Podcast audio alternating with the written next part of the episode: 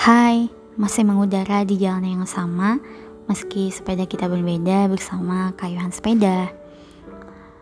Well, makasih banyak buat kalian karena udah nungguin podcast kayuhan sepeda setiap bulannya ya. Dan oke, okay, aku nggak jadi berhenti buat nggak upload.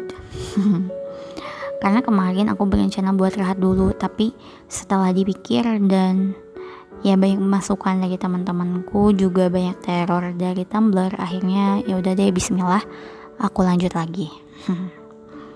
So di bulan Oktober ini jujur ngerasa berat banget gak sih? Dan aku ngerasa masih pahit. Kayak Oktober 2 tahun lalu. Tapi ya mau kayak gimana lagi? Hidup itu kan harus tetap dijalani karena ya waktu nggak nunggu kita untuk berhenti. Ya nggak? Coba deh resapi kata-kata ini. Dan di episode kali ini aku bakal random ngomongin hikmah yang aku dapet. Jadi itu sekitar minggu yang lalu pas kebetulan aku nemenin teman-teman di sini buat praktikum.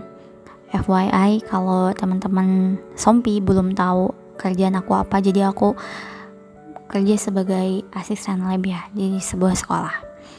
Terus hmm, praktikum minggu lalu itu tentang mengamati jaringan tumbuhan. Lalu tiba-tiba aku terpikirkan sesuatu.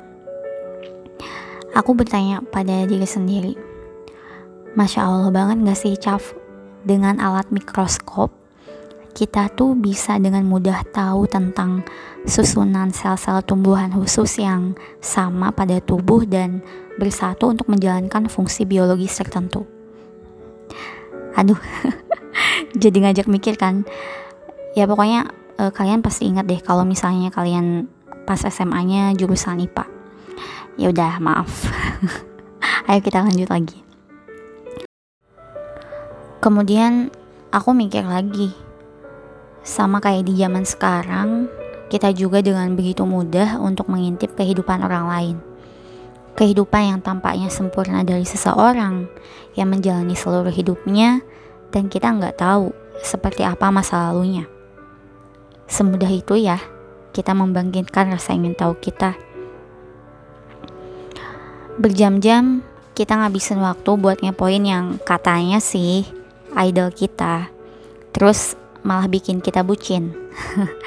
eh, pas ada berita yang kurang mengenakan, kita jadi kecewa sendiri, kesel sendiri, sedih sendiri, dan ya memang mungkin gak semua sih kayak gini. Cuma beberapa orang aja. Dan aku yakin bukan kamu kan? Terus gak kalah lagi, kita berjam-jam lupa ngepoin kehidupan orang lain yang udah melesat lebih jauh mendapatkan kebahagiaannya. Terus kita jadi sedih sendiri, ngerasa insecure, dan bilang sama diri sendiri, ya apalah aku cuma butiran nutrisari. Eh tapi nutrisari sih enak, tapi kalau sendiri ya nggak kerasa. Ya ampun aku ngomong apa sih? nah, tapi kalau dipikir lagi dengan pikiran yang jernih, apakah rasa ingin tahu kita itu benar-benar gratis? Pernah gak sih kita mikir kalau ternyata membandingkan hidup orang lain dengan diri sendiri itu adalah cara yang mudah untuk membuat diri sengsara loh.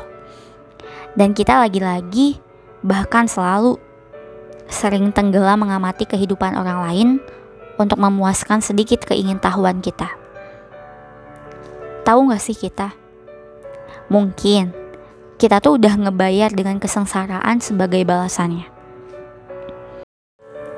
Nah, kalau dipikir-pikir, ternyata enggak gratis ya ngebandingin diri sendiri sama orang lain itu. Pertanyaannya, terus mau sampai kapan?